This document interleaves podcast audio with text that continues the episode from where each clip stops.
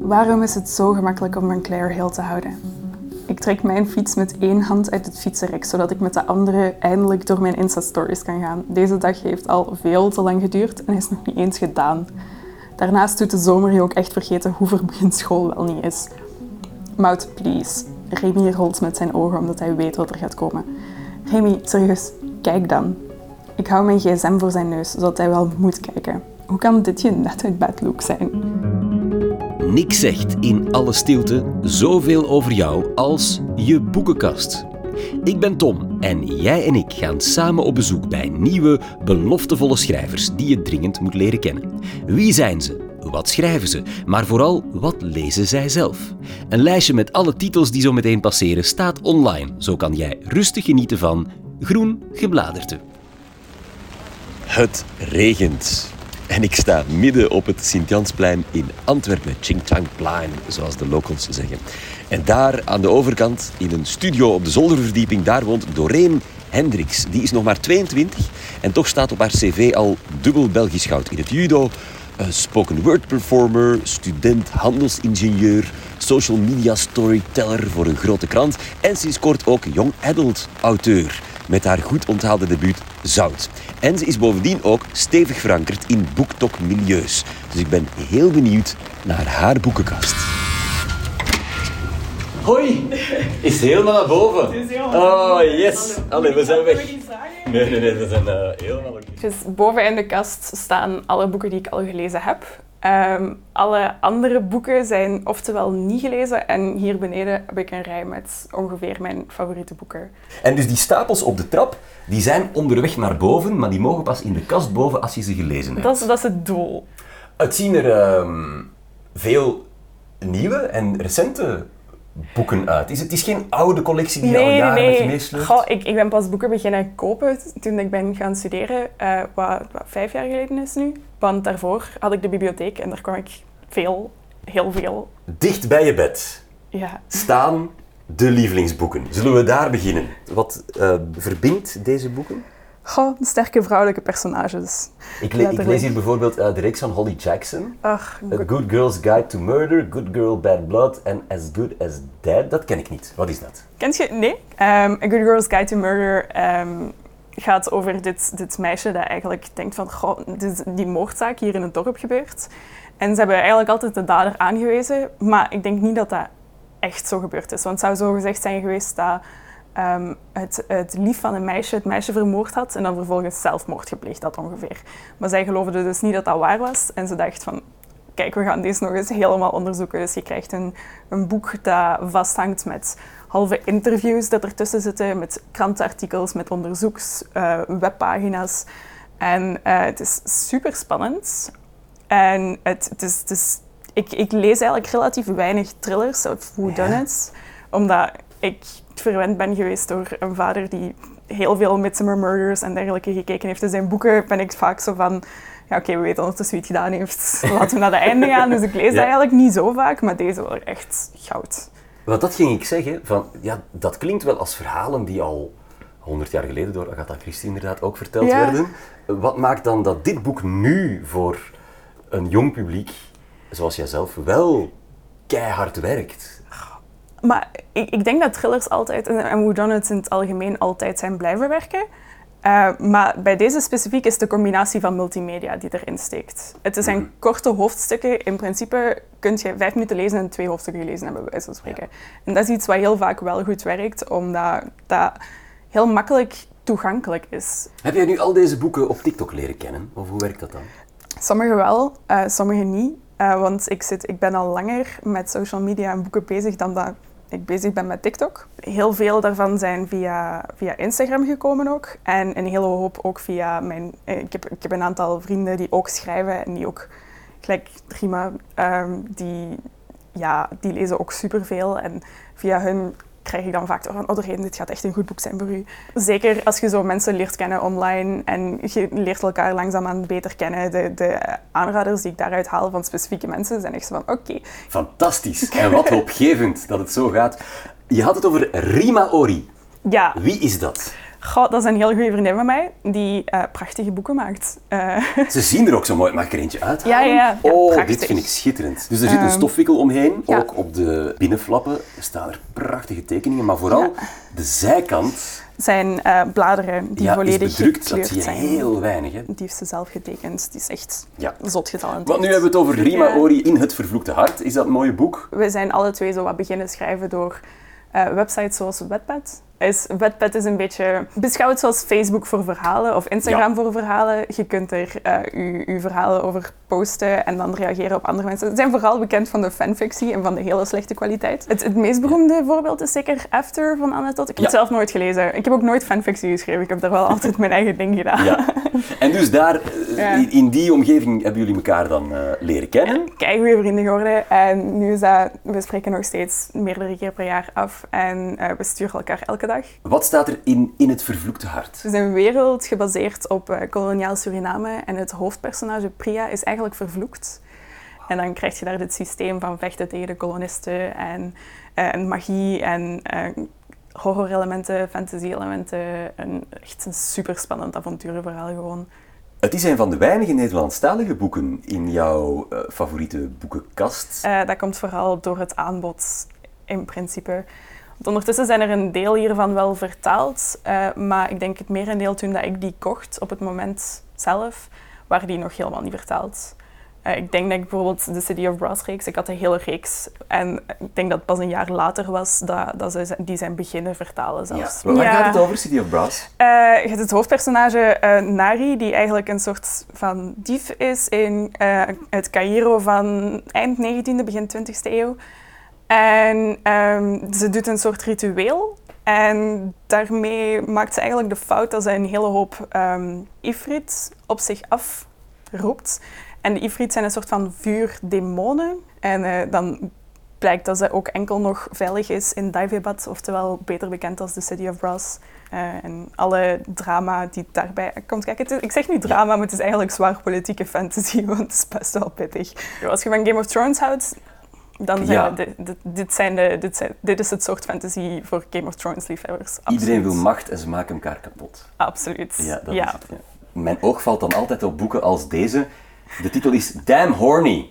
Maar eh, mag je eruit halen of is het heel persoonlijk? Nee, nee, nee, het is helemaal niet persoonlijk. Maar het ziet er ook zo prachtig uit. Het is een, ehm, een lila boek met Ja. fluo-oranje opdruk. Eh, dat zijn de dames van de podcast Stem Honey. Die is vrij bekend in Nederland. Eh, en die hadden eerder al een aantal pamfletten geschreven. En dit is de collectie eh, erotische kortverhalen gefocust op vrouwelijke ervaringen die ze samengesteld hebben.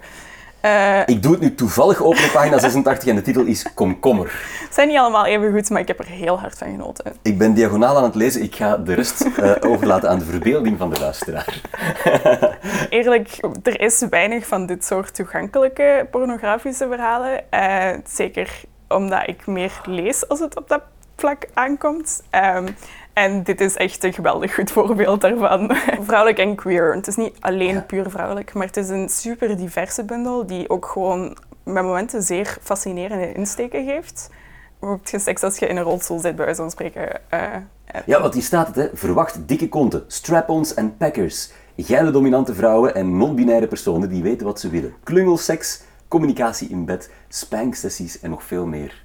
Ehm, zit hier nog een boek tussen je favoriete boeken waarvan je zegt van... Ja, maar ja, daar moeten we het zeker nog over hebben. Ja, señoras que se empotraron hace mucho.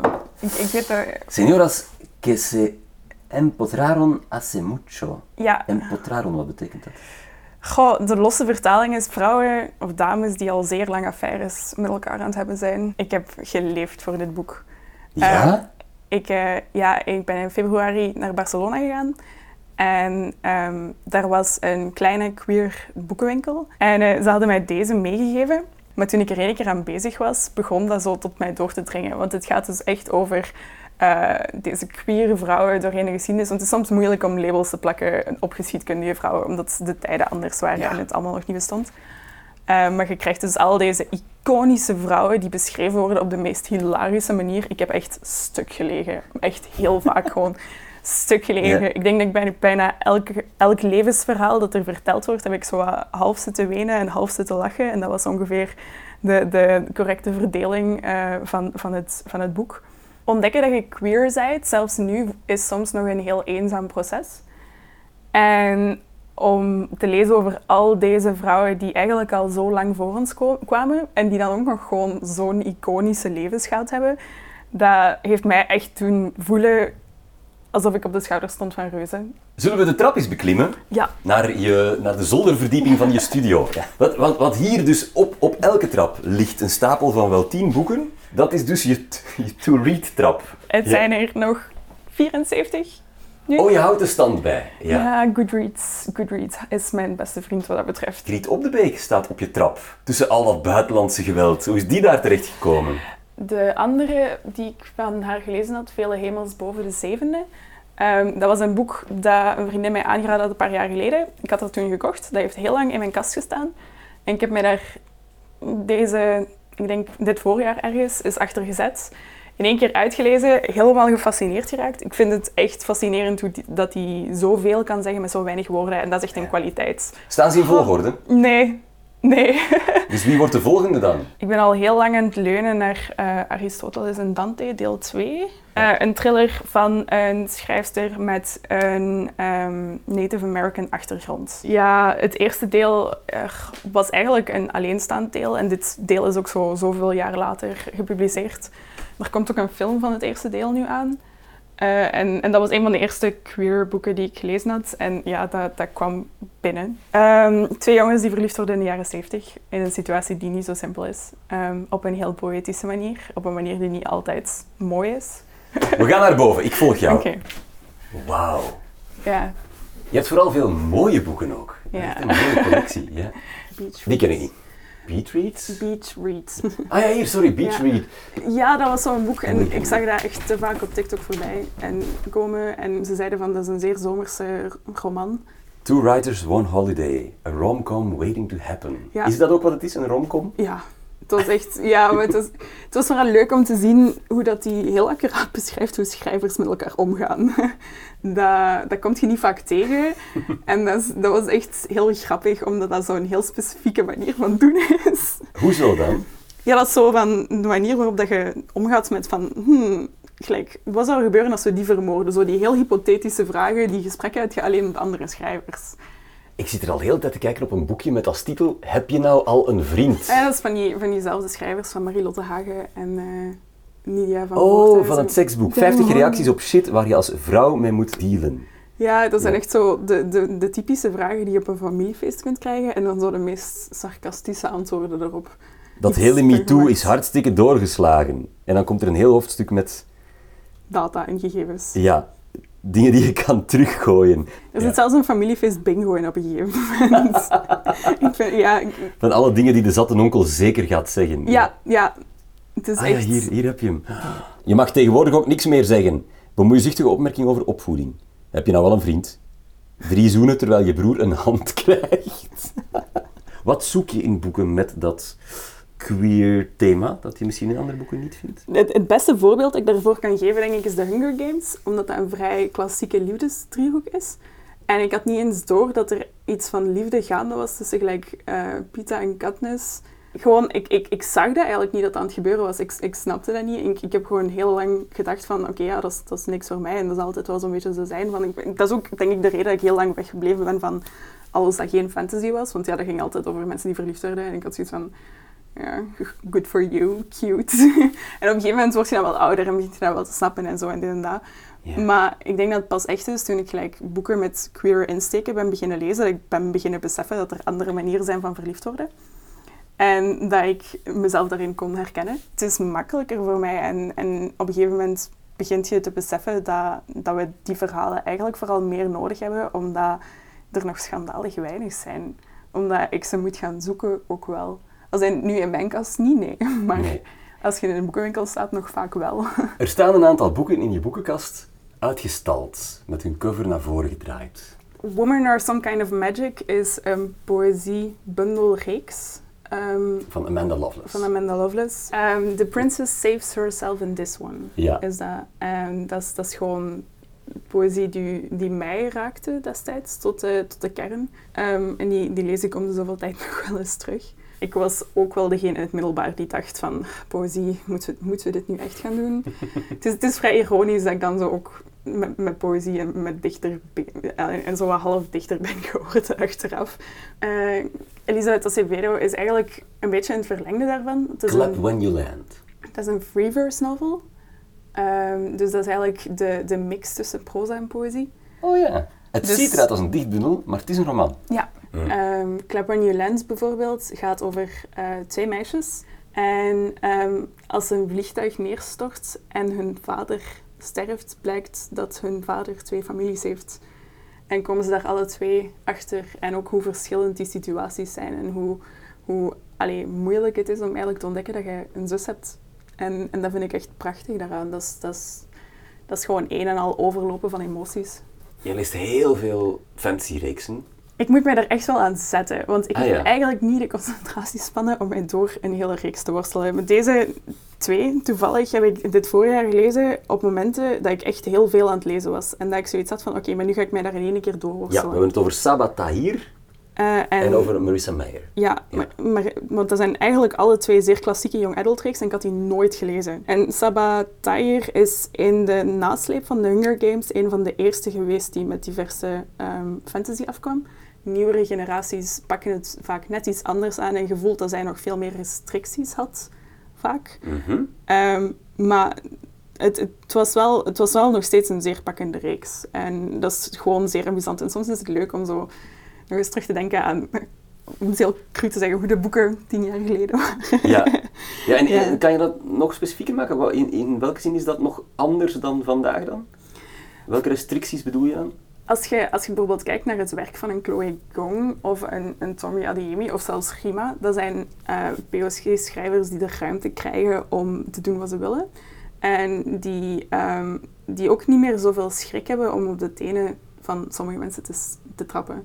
Like Ray Bear is daar ook een goed, een goed voorbeeld van. Dat zijn zo boeken en die zijn een beetje unapologetic in, in, in een specifieke manier. En bij An Ember in the Ashes merk je zeker bij de eerste twee, drie delen, uh, bij de eerste twee delen, echt nog van, oké, dit dit, dit zijn de eerste stappen die gezet worden. dit zijn al hele goede boeken, maar je, soms vraagt je je wel af van, oké, wat zou die gedaan hebben als, als zij er nu mee zou afkomen? Als zij nu zou kunnen zeggen van, fuck de wereld. Uh, als hij, want het, uiteindelijk de thema's van, van kolonisatie en onderdrukte volkeren, die komen ook terug, maar veel subtieler en veel zachter. En allemaal niet, zo, niet altijd even hard met de vinger wijzend. Bij Legendborn wordt er op een heel brute manier gewezen op hoe dat vooral de, de slavenhandel ervoor gezorgd heeft dat sommige mensen... Ja, dat is um, boek. Ja, dat is een Koning Arthur hervertelling vanuit een zwart, zwart, een zwart meisje eigenlijk. Ja. Secret Society Universiteit. Dus echt, ik ben zo hard aan het uitkijken naar het vervolg. Ik ben echt al... cover ook. Ja. Echt, echt super mooi. Dit is meer urban fantasy.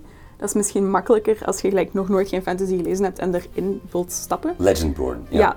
Terwijl dat is high fantasy, dat is meer de Game of Thrones, dat is de immersive werelden en dat is ook goed. Maar dan moet je wel stambomen bijhouden op je slaapkamermuur. Ja. Bij wijze van spreken. Straks hoor je nog welk huiswerkboek Doreen mij liet lezen voor ik bij haar op bezoek mocht komen. Maar eerst haar eigen young adult romandebuut. In Zout volgen we Maud, een tienermeisje dat door haar beste vriend Remy wordt uitgedaagd om 2000 volgers te halen op Instagram. Klinkt doenbaar, maar die challenge ontploft in haar gezicht. Hoe meer online aandacht Maud krijgt, hoe dieper haar zelfvertrouwen beschadigd raakt. Ze houdt er zelfs een eetstoornis aan over, die pas bezworen wordt wanneer een bijzonder meisje haar pad kruist. En hoewel bijna alles in deze roman verzonnen is, is die eetstoornis wel uit het leven van de auteur gegrepen. Meer bepaald uit haar tijd als topjudoka. Mijn eetstoornis heeft een heel andere bron natuurlijk, want mijn eetstoornis komt door topsport, wat iets een compleet andere manier is van er naar te kijken.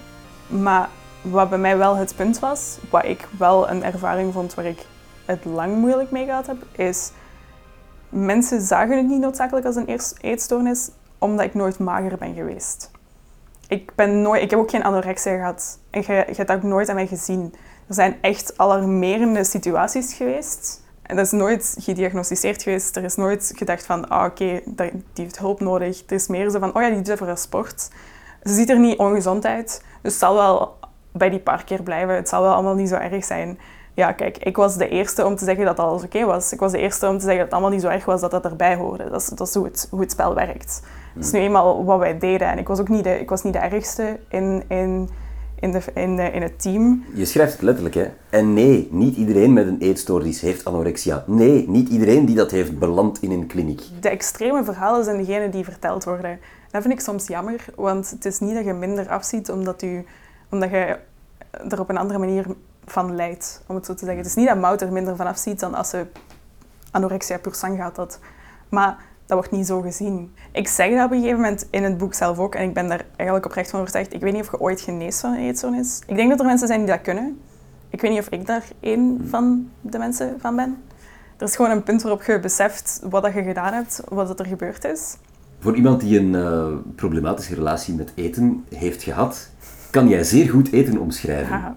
Ik citeer willekeurig en je kan op elke bladzijde, de, de saus druipt er soms af. De vijfde hemel bereikte ze met een gnocchi, de zesde met haar befaamde bouillabaisse en de zevende door de zeebaars met asperges, tijm, basilicum en een beetje zeezout brachten die roomsaus naar een hoger niveau. Waar komt dat allemaal vandaan? Ik hou heel erg van eten. Dat is, dat is niet het probleem. Dat is nooit het probleem geweest. Misschien juist wel. Maar... Ja. Wat mij ook opviel als thema in Zout is... Jongeren dwepen met influencers en kijken op naar TikTok-sterren en naar Instagrammers, tot er eentje bij hen in de klas zit. En die wordt gepest, omdat die aandacht vraagt. Ja. Dat is dubbel, dat is raar. Waarom hebben die jongeren geen bewondering voor de Instagrammer in hun klas? Tieners kunnen heel gemeen zijn. Tieners kunnen heel hard zijn. En het is makkelijk om naar iemand te kijken die ver van je afstaat en te zeggen van, dat is toch wel echt heel straf wat hij doet. Als je niet heel dicht bij die persoon staat. Dat is, dat soms net iets te gemakkelijk zelfs. En dat is de allure van social media, maar niet noodzakelijk de realiteit. Op social media vertelt je ook gewoon een verhaal. Hè? Ik bedoel, ik ben een verhalenverteller in, in, in hopelijk zoveel mogelijk zinnen van het woord. Ja, dat is, dat is wat je doet. Je kunt niet, in een goed boek vertelt je ook niet elk detail. Want dan zet je uren en uren te veel aan het lezen en dat is niet de bedoeling. Ja. Dus, dus... Mensen moeten daar leren doorkijken. Ja. Dat is het, ja. Tussen de regels lezen, ook online. Ja, ja, ja, dat is een soort geletterdheid. En we hebben dat nodig voor social media ook. Voor wie heb je Zout geschreven? Uh, ik denk voor de persoon die ik ooit geweest ben. En in de hoop dat gewoon iemand het leest en denkt van, ju, misschien is dit niet het allerbeste idee om na te doen. Ook een beetje dat mensen zien hoe makkelijk het is om erin weg te glijden. Want het is verdomd makkelijk eigenlijk om jezelf te beginnen geloven. Ik weet dat dat in 90% van de gevallen geen, geen verschil gaat uitmaken. Maar als er maar één iemand is die, die het leest en, en misschien zich gealarmeerd voelt, dan, dan ga ik al blij zijn. Elk van mijn gasten mag mij één boek opleggen dat ik moet lezen voor ik op bezoek mag komen. Doorheen ging voor The Price of Salt, ook bekend als Carol, een buitenbeentje in het uiveren van de excentrieke thrillerauteur Patricia Highsmith. Therese probeert zich in Manhattan staande te houden met een baantje als verkoopster en wordt hals over kop verliefd op een van haar klanten, Carol. Ze vertrekken samen op roadtrip, maar de vechtscheiding waarin Carol verwikkeld is, roept hen terug naar de realiteit. Het boek uit 1952 wordt ook wel het eerste lesbische verhaal met een happy end genoemd. Wat mij fascineerde in het boek is één, het feit dat het 70 jaar oud is, en twee, het complete gebrek aan zelfhaat. Het complete, de complete acceptatie van de situatie die er is en gewoon het volledige wegdrijven in de liefde die dat er speelt. En dat vond ik zo ongelooflijk prachtig.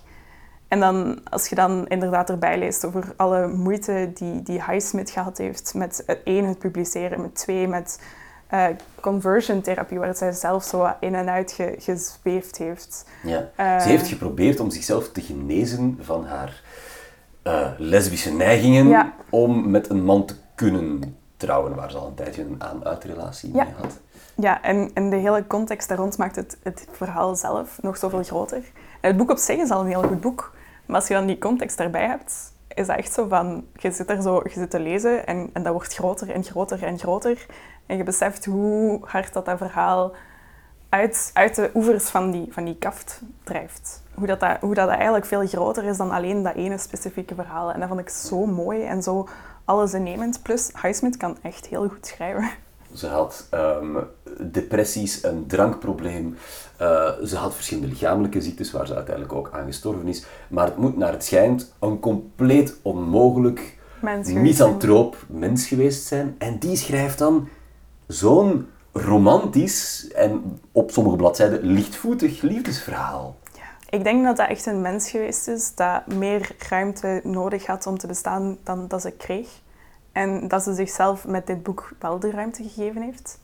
En dat dat misschien op die manier juist een, een uiting was van wie ze had kunnen zijn. Ik heb een graphic novel met, met, die een biografie is van haar leven.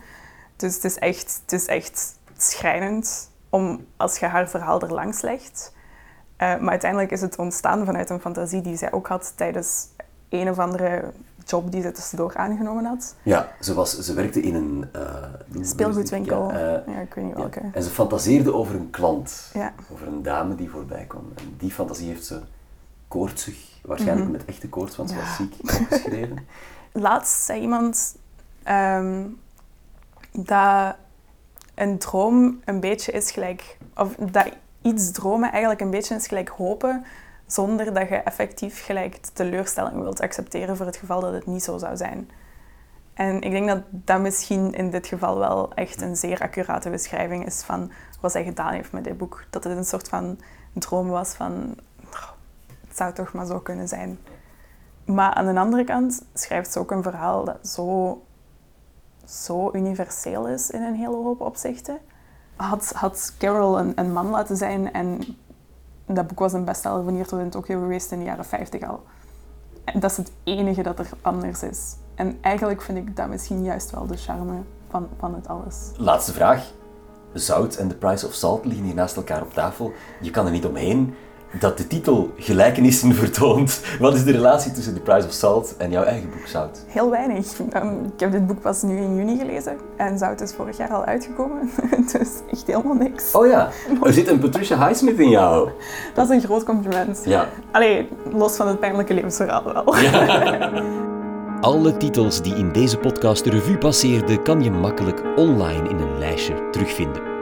Deze reeks stelt nog een heleboel afleveringen, goed voor vele jaren leesplezier.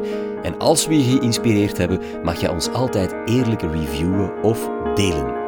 Deze podcast is gemaakt met de steun van Sabam for Culture en de wonderlijke muziek is van Sander de Keren. Heel graag tot een volgende keer.